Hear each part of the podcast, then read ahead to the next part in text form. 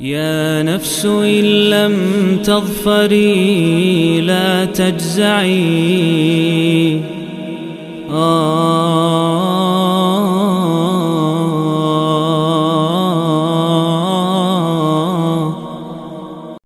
بسم الله الرحمن الرحيم. الحمد لله والصلاة والسلام على رسول الله وعلى آله وأصحابه ومن والاه. ولا حول ولا قوة إلا بالله أما بعد.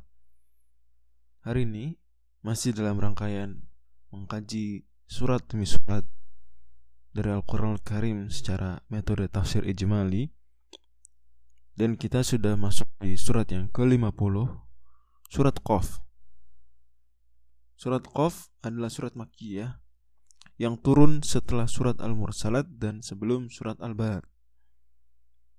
Surat yang terdiri dari 45 ayat ini disebut dengan Qaf. Nama ini diambil dari awal suratnya. Ayat pertama Qaf. Dan hanya surat ini saja yang diawal dengan huruf Qaf dan itu sisi paling uniknya.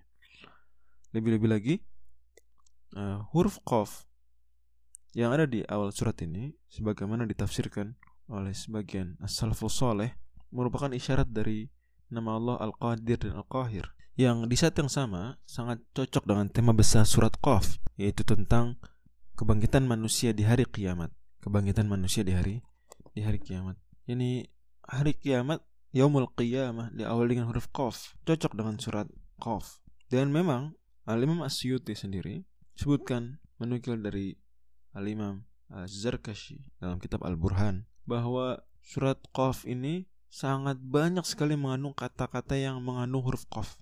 Masya Allah.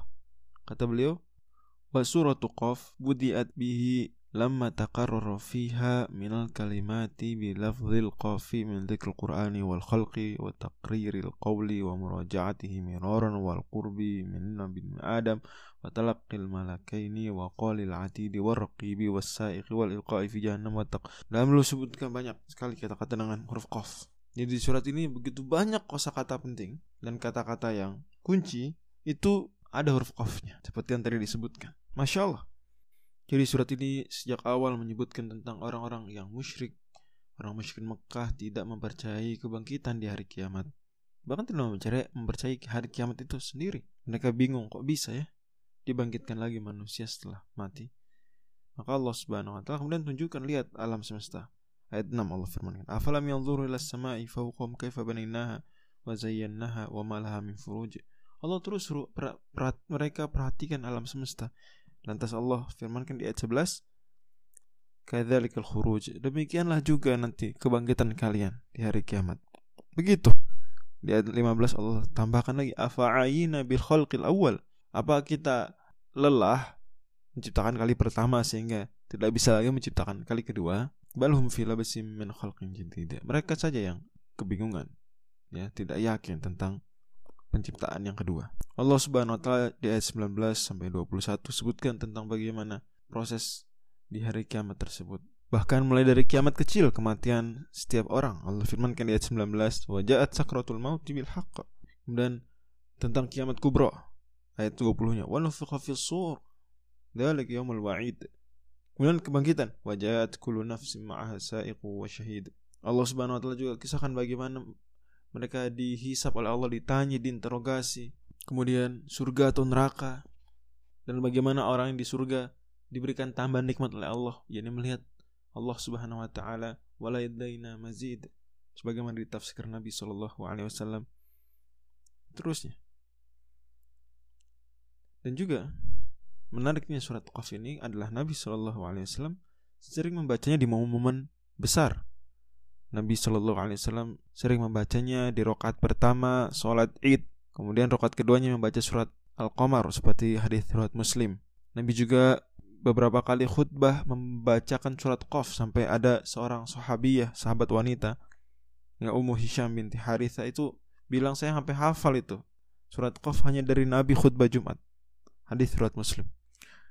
Dan memang surat Qaf ini salah satu surat yang checkpoint penting dalam Al-Qur'an karena dalam hadis riwayat Imam Ahmad para sahabat ketika ditanya bagaimana kalian membaca Al-Quran, menghatamkan.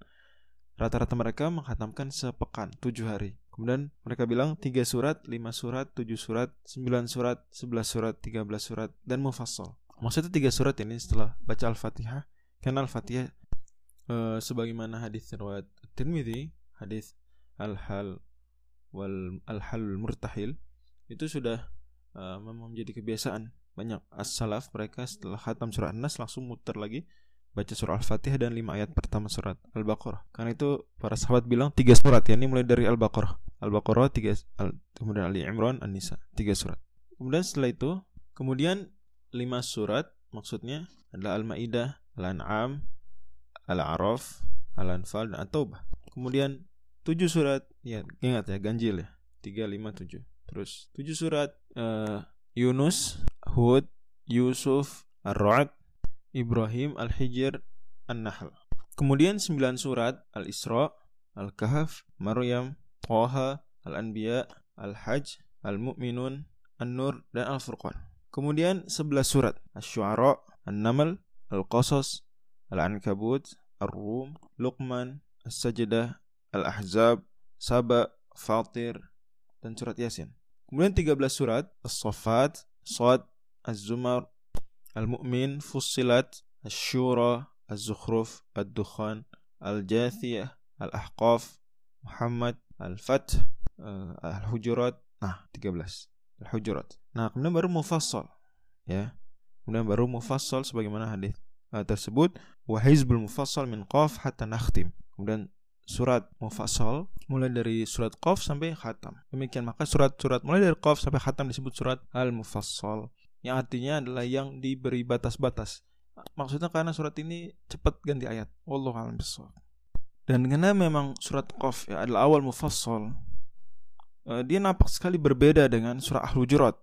Wallahu a'lam Barangkali keserasian hubungan antara dua surat ini adalah surah Al-Hujurat menyebutkan tantangan dakwah di Madinah, ada orang munafik, orang mu'alaf baru masuk Islam. Sementara surat Qaf tantangan dakwah di Makkah, orang-orang yang mengingkari lihat di awal surat. Wallahu a'lam